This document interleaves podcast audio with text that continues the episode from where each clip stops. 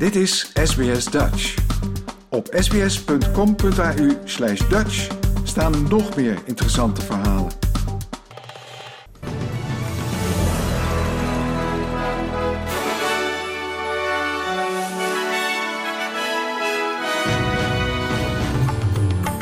Dit zijn de headlines van het SBS Dutch nieuwsbulletin van woensdag 17 mei.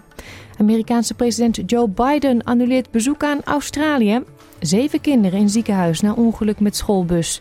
En Inter Milaan bereikt finale Champions League.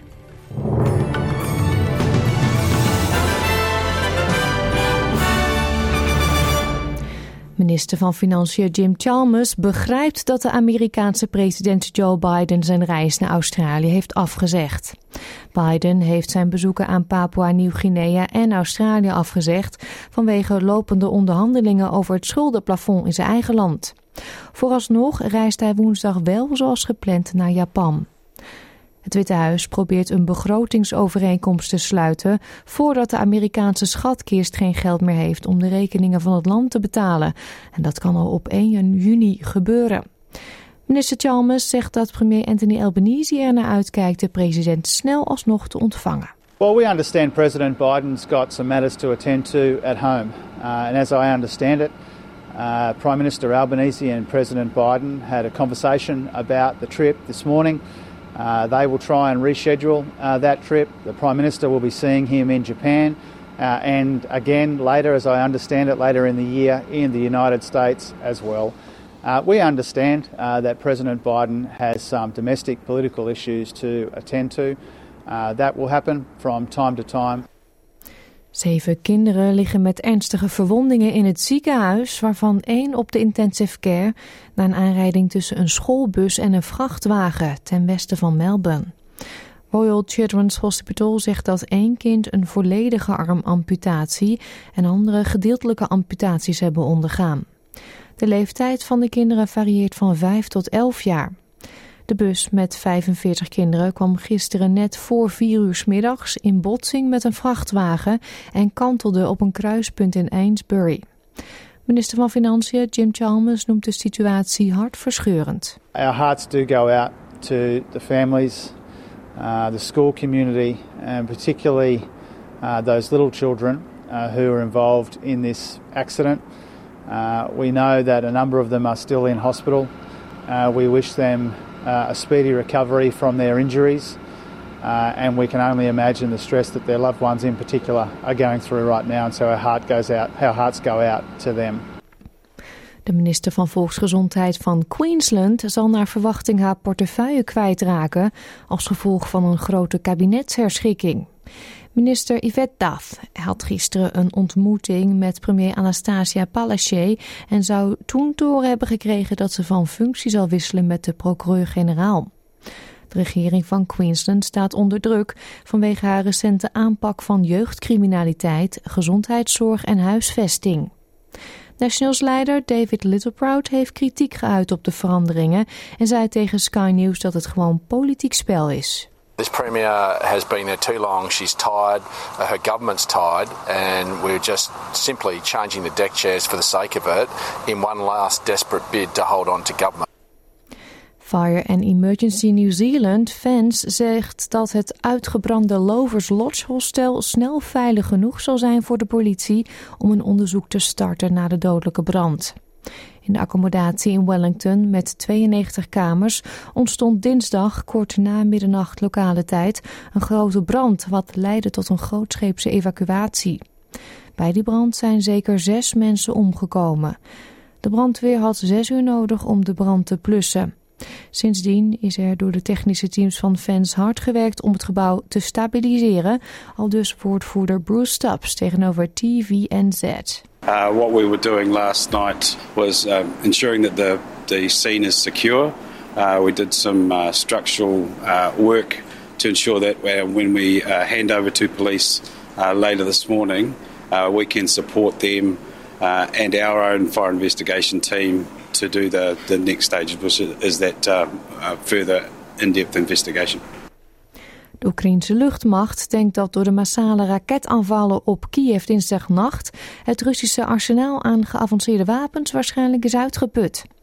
De woordvoerder van de Oekraïense luchtmacht zegt dat de aanval werd gekenmerkt door het gebruik van een groot aantal ultramoderne Kinzhal aerobalistische raketten, waarvan Rusland er volgens hem niet veel had. Yuri Inat zegt dat de aanval op de Oekraïnse hoofdstad zowel symbolisch als strategisch was. Uh, it is clear that the capital has always been and is such a priority target for the enemy because there are essential state objects and important infrastructure objects, and there's a certain symbolism in this. It's clear that the enemy wants to strike at the very heart of the country and thus keep the entire Ukrainian nation in tension. Therefore, today, it was possible to repulse another air attack. The peculiarity of this attack was the use of the KH 47 M2 Kinzhal missiles which were used in large numbers, and definitely all of them were shot down. Op de vraag of een door de VS gemaakte Patriot luchtverdedigingssysteem tijdens de aanval is vernietigd, zoals Rusland beweert, weigerde hij commentaar te geven. De voorzitter van de Europese Commissie zegt dat Rusland ter verantwoording moet worden geroepen voor de vreedheden die in Oekraïne zijn begaan. Ook herhaalde ze de toezegging van de EU om Oekraïne zo lang als nodig is te steunen. Ursula von der Leyen maakte de opmerkingen in IJsland, waar Europese leiders bijeenkwamen voor een zeldzame top van de Raad van Europa, waar onder meer werd gesproken over het opnieuw opvoeren van de steun voor lidstaat Oekraïne. Of course, we will uh, stay and support Ukraine for as long as it takes. Um, there are two types of support. The one is the financial support. Overall, by now, we supported Ukraine with 68 billion euros. Um, if you look at the different elements of support, and then there is the military support. This is more a question of the member states, but there's a strong commitment of the member states, of course, also here to support Ukraine. De maker van kunstmatige intelligentietechnologie ChatGPT heeft een Amerikaanse senaatscommissie verteld dat de software in de toekomst een aantal banen zal vervangen. De baas van OpenAI, Sam Altman, getuigde voor de commissie over de mogelijkheden van de technologie. I believe that there will be far greater jobs on the other side of this, and that the jobs of today will get better. I, I think it's important.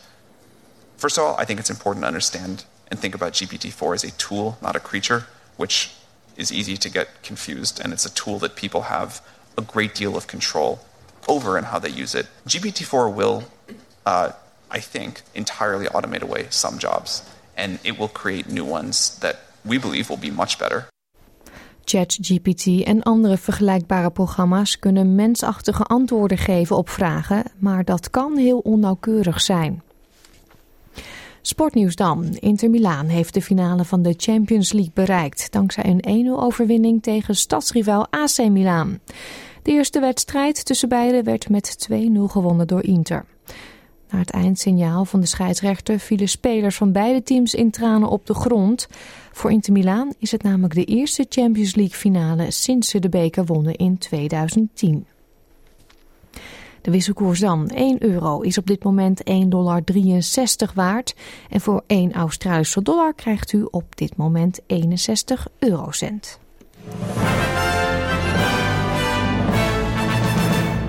Kijken we nog naar het weersbericht voor vandaag. In Perth schijnt de zon en wordt het 26 graden. Het is gedeeltelijk bewolkt in Adelaide, 16. Ook in Melbourne is het gedeeltelijk bewolkt, 15. Hobart, daar trekken wolkenvelden over, 13 graden daar. Het is gedeeltelijk bewolkt in Canberra, 14. Wollongong, daar kans op buien met onweer, 17. Er trekken buien over in Sydney, 18. In Newcastle vallen er regenbuien, 19. Het is overwegend zonnig in Brisbane, 23 graden.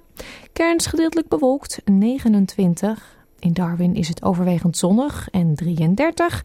En in Alice Springs, daar is het zonnig en wordt het vandaag maximaal 21 graden. Dit was het SBS Dutch News.